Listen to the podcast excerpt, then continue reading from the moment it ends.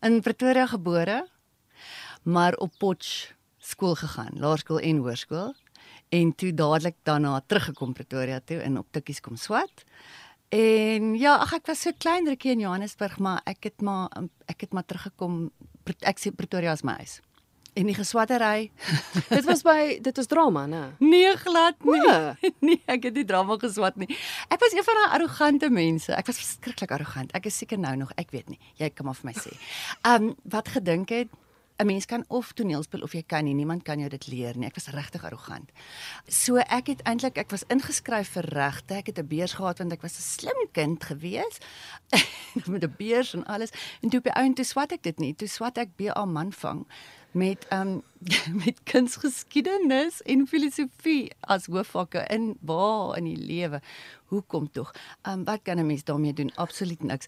Maar ek het maar ek het as student het ek um my pelle het in restaurante gewerk, ja. kelners ja. gewees vir 'n sak geldjie. Ek het by Truk Opera Koor in die ad hoc opera koor het ek my R450 'n aand. Ek dink dit was R450 'n aand wat ons betaal was om om te repeteer in die opera koor ja. en ek dink ek mag dalk nou lieg, maar ek dink ons is vir uitvoerings in die aande is ons R11 betaal. En dit was my sakgeld.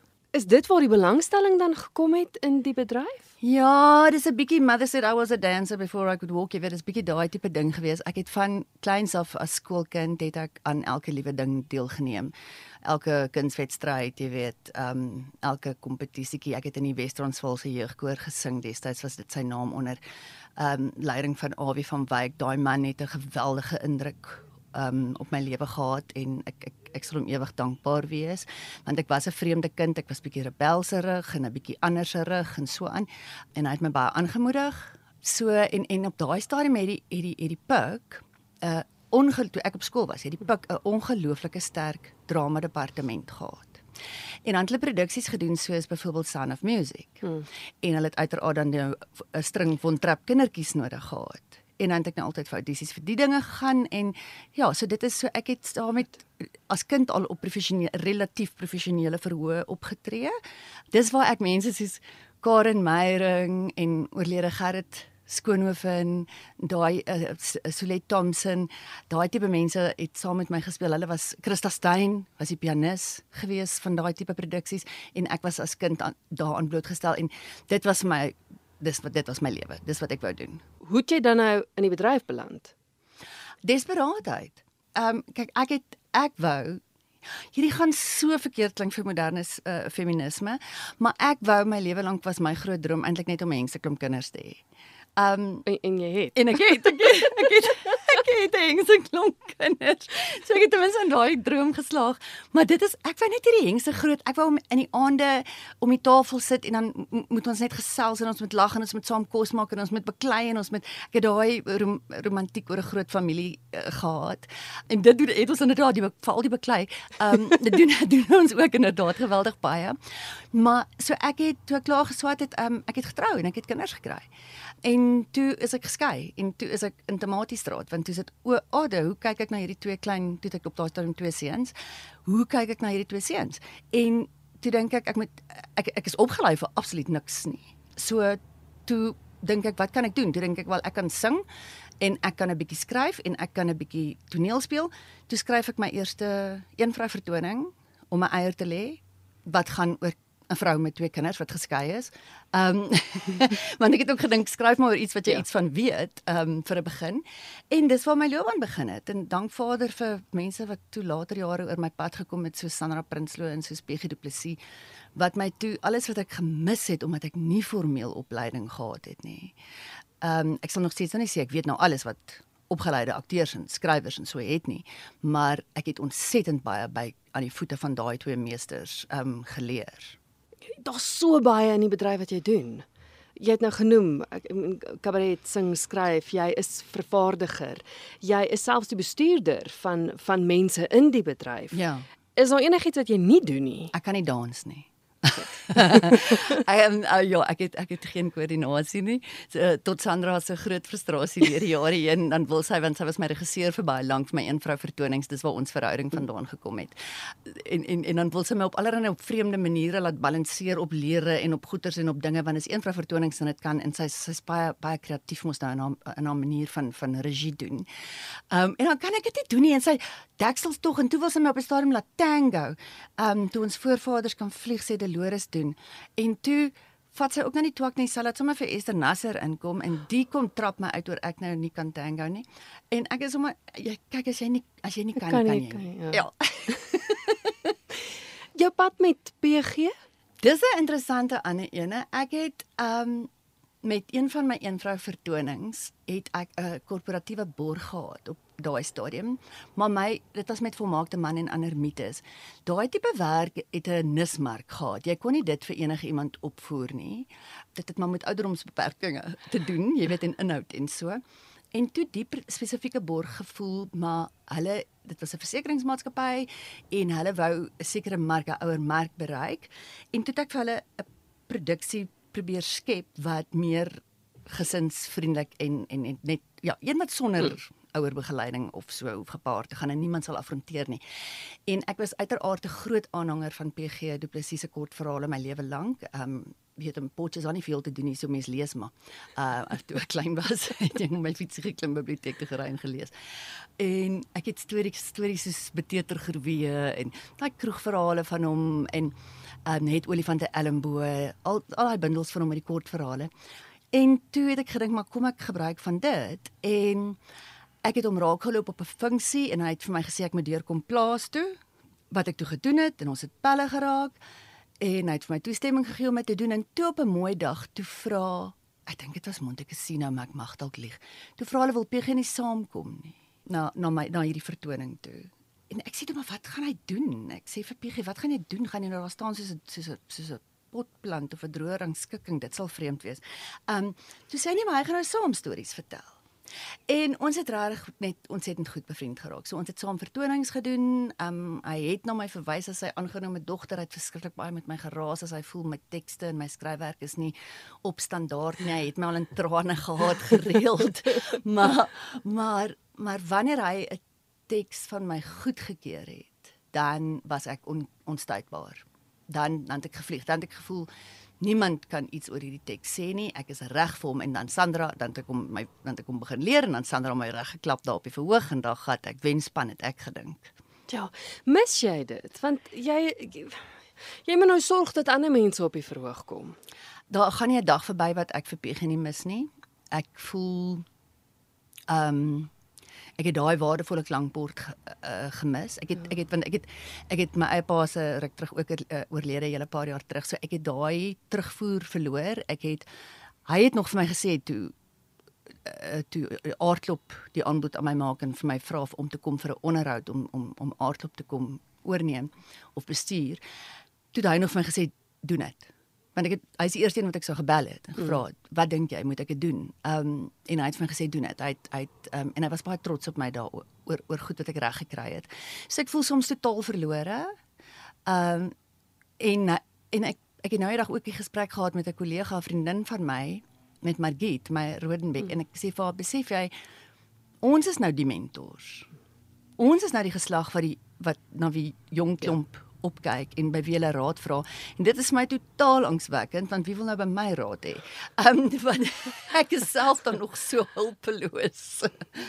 maar mis jy dit om op die verhoog te wees? O, is dit eintlik wat jy bedoel het? Ehm um, ja, ek ek daar's kyk as jy eers daar's niks wat met om op 'n verhoog staan te kan eh, vergelyk nie. Daar is maar elke vertoning is anders. Jy het altyd net daai een kans. Ehm um, al voer jy 'n ding op vir 100 keer of 200 keer het jy elke keer net daai een kans.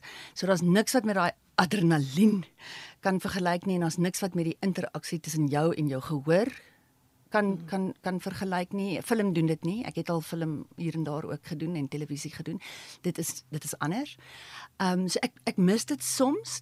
Aan die ander kant dink ek die sal ek nou angsbevange wees om terug te gaan. Ehm um, ek staan gereeld op verhoor natuurlik nog steeds, mm. maar dan maak ek toesprake, mm. jy weet en ek mm. of ek of ek MC 'n bietjie of bietjie hier of bietjie daar. Ek dink ek sal as ek nou moet teruggaan na verhoog toe in 'n een vrou vertoning. Ek weet nie of ek of ek die of ek dapper genoeg sal wees daarvoor nie. En ek dink want jy weet dit is 'n ontsettende eensame ding, een vrou vertonings. In beginsel is dit 'n ontsettende eensame ding. En aan die ander kant dink ek ek sal ook sommer so 'n bietjie klein koppie trek omdat die publiek my nou op 'n ander manier leer ken het en ek dink hulle sal die messe sal uitwees. Die messe sal, sal skerp gemaak wees of dis my gevoel. Nou weet ek nie of ek net iets is waar agter ek wegkruip nie. Want baie mense vra vir my, sê vir my kom terug asseblief, kom, ons mis jou. Jy praat nou so daarvan dat jy al op TV en film was, maar ek het eers gehoor Ja, hou nie van audisies nie. En dis hoekom jy nie eintlik regtig. Hoekom jy veiliger voel op die verhoog? Dis omdat ek bang is vir verwerping. ek hoor jou. Ek hoor jou. Ek weet ek ek weet ook nie eintlik van hoeveel akteurs rou nou regtig van audisies, uh, jy weet. En ek meen ons almal het 'n ou klein egoetjie en 'n ou klein, want dit is nie lekker om daar te staan en dan jy het nie die rol gekry nie, hoor. jy's jy's nie goed genoeg nie. So ek skep my eie werk dink ek uit onsekerheid uit. Ehm um, het ek altyd my eie werk geskep want ek kan net ek kan nie myself ehm um, afkeer nie, kan ek? wat is daar wat jy nog wil doen? Want soos ek nou gesê het, jy jy doen alles. Jy is so betrokke by soveel verskillende fasette van die bedryf. Wat is daar wat ek nog sou wil doen? Weet jy, ek sal verskriklik graag hierdie liewe fees wat ek so met soveel entoesiasme ingestap het, maar so onkundig en nie weet dit wat ek doen nie en waarvoor ek myself inlaat nie. Ek sal graag hom op 'n plek wil hê wat ek met 'n absolute gerusheid ook op die ou en vir hom af kan wegstap. Dat ek dat ek glo ek het vir hom gegee wat wat ek kon. Ek het my bydrae gelewer en hy's in veilige hande want hy hy, hy eet 'n ou se lewe op hoor. Ehm um, 'n fees is hierdie eet 'n ou se lewe op. Jy's dis al wat jy doen. En die spanningsvlakke wat daarmee gepaard gaan is geweldig hoog. As ek as ek kon, maar dit is nou 'n fantasie want ek is te oud en dit gaan nooit gebeur nie. Maar as ek kon, sou ek Fantine in Les Misérables wou speel. Ek sou dit wou doen. Ek ek sou wou wou wou sing 'n um I dream a dream and time gone by. En dan gaan jy mos nou lekker gou dood in die play. Ehm um, so dan gaan sit jy agter en wag net vir die vir die vir die curtain call vir die buiging. Ehm um, net want ek dink dis een van die ongeloof is is een van die ongelooflikste stukke werk wat ek ken en daardie spesifieke lied daaruit is hmm. een van my absolute gunstelinge. Maar dis 'n fantasie. Dit gaan nie gebeur nie. Kom ons gaan gou terug na Aardklop toe. Hoe het dit gebeur? Want jy sê nou jy's genader jy moes gaan vir 'n onderhoud. Ja. Hoe het dit alles begin? Ja, kyk in 2016, ek dink dit was in Januarie, ek praat onder korreksie, het, het die vorige aardloop um om net gesluit, die vorige direksie is toegemaak. En toe daar 'n belangegroep en belanghebbendes borge waaronder kyk net um een groot rolspeler was en die ATKV was 'n groot rolspeler geweest en hulle het die NWI natuurlik ook groot rolspeler besluit basta daarmee aardklop moet voortgaan en toe het hulle natuurlik 'n feesbestuurder gesoek. Ek, uit my onkunde.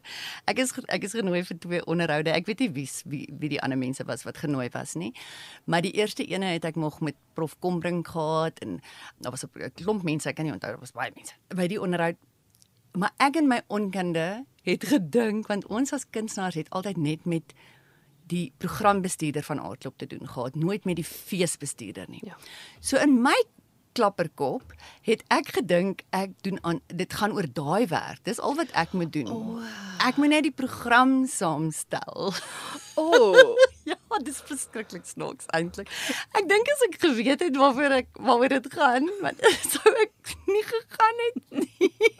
Want dan sou ek besef het maar jy weet geweet was nie noodwendig wat jy doen nie. Maar aan die ander kant is 'n fees soos Aardop, dis net een hengse groot konsert.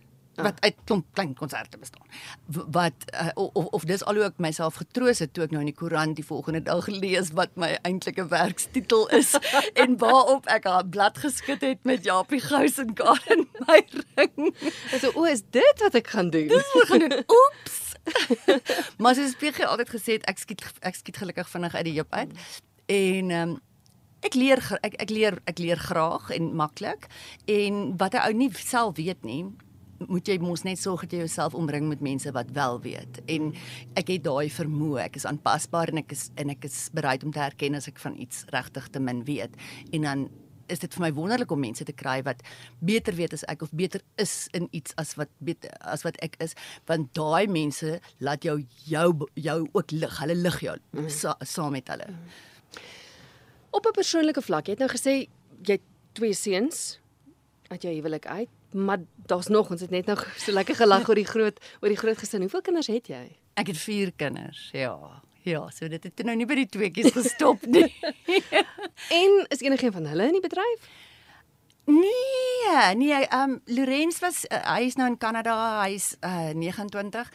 Hy het seker die naaste daaraan gekom want hy het op hierdie passasiersskepe gewerk, jy weet die groot in wat nou uh, uiteraard hengse duik gevang het tydens COVID. Hy sien uit die naaste want hy was in die in die die afdeling wat jy die wat jy die vermaak moet doen met die met die mense op die boot, jy weet met die passasiers, jy weet wat jy met speletjies met hulle speel en en en en 'n sulke tipe van goed met hulle doen. So hy het seker die naaste daaraan gekom, maar dis nie dis dis sommer net vir die ja, dit was 'n manier om die wêreld te sien. Mm. Dit is nie 'n beroepskeuse van sy kant af nie, nie glad nie. My tweede oudste seun, hy is hy word nou in November word hy 27. Hy is um hy het 'n ontsettende oog, 'n visuele oog vir goed soos grafiese ontwerp en so dat hy 'n regtig goeie oog.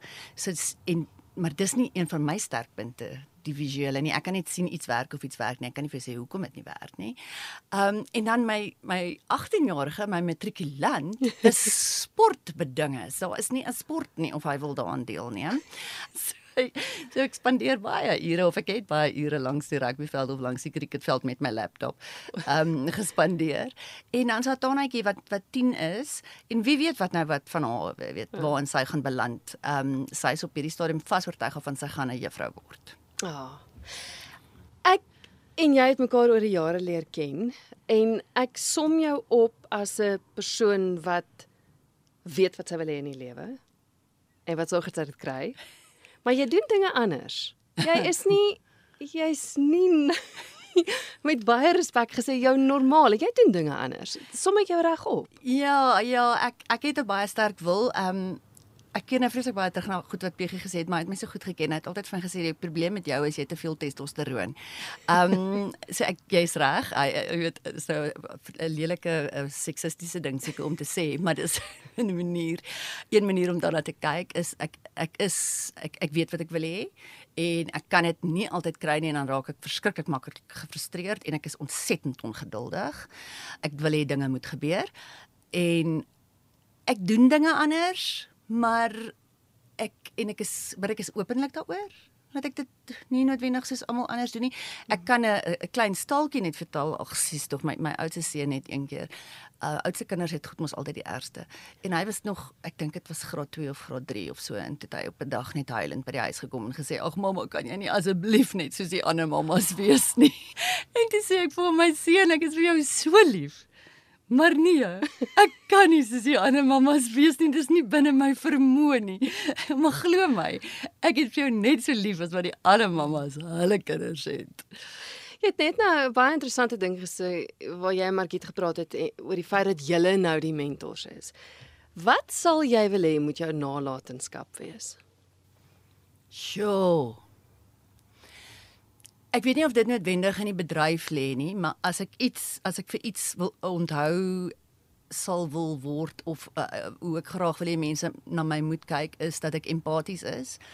Ehm um, dat ek omgee vir my medekunstenaars en die mense in my bedryf en dat ek eerbaar en met integriteit ehm um, in my bedryf mense hanteer. Dit is my ontsettend belangrik want daar is ongelukkig te veel gevalle wat dit nie die geval is nie. Um kunstenaars, tegniese mense, dit word maklik uitgebuit as gevolg van die aard van ons werk en ons beroep en die feit dat ons vryskut meeste van ons is vryskut kunstenaars. Um so dit is my ontsettend belangrik daai aspek en dit is my ongelooflik lekker om 'n pad met mense te stap en die vrugte daarvan te pluk. Um om 'n voorbeeld te noem, ek en Christo David stap 'n baie lang pad. Um en om te sien waar waar ek in hy skryf en regie en ek vervaardig en om te kyk waar ons begin het en waar ons toe in 2019 byvoorbeeld met Queenie hulle toe ons kyk net vir Esta wen vir die beste produksie van die jaar. En om te sien hoe mense groei en hoe en jy weet jy het 'n aandeel daarin jy weet dit in jou hart. Jy, en, en dis nie hoekom jy dit jy doen dit nie vir die erkenning nie maar jy jy sien hoe iemand jy sien hoe iemand saam met jou groei en en en en sy kuns verbeter en sy uh, die vrugte daarvan pluk. Dit is my ongelooflik. En op 'n persoonlike vlak dink ek lê dit ek dink my drome of waarvoor ek onthou sal word is eintlik meer persoonlik en dit gaan oor my kinders. Ek meet my sukses eintlik aan my kinders, nie op daai afgryslike manier wat my so irriteer wat ouers deurlik kinders lewe in terme van sukses nie. Dit gaan nie vir my oor iemand met eerste staan in die klas of hoofmeisie of hoofseun of so iets wees nie. Dit gaan vir my oor as my kinders lieflike mense is wat 'n positiewe bydrae tot die samelewing maak wat in terme van mensrespek wat respek het vir mense en empatie en en en met liefde deur die lewe gaan dan sal ek myself op die skouer klop en sover doen ek nie sleg nie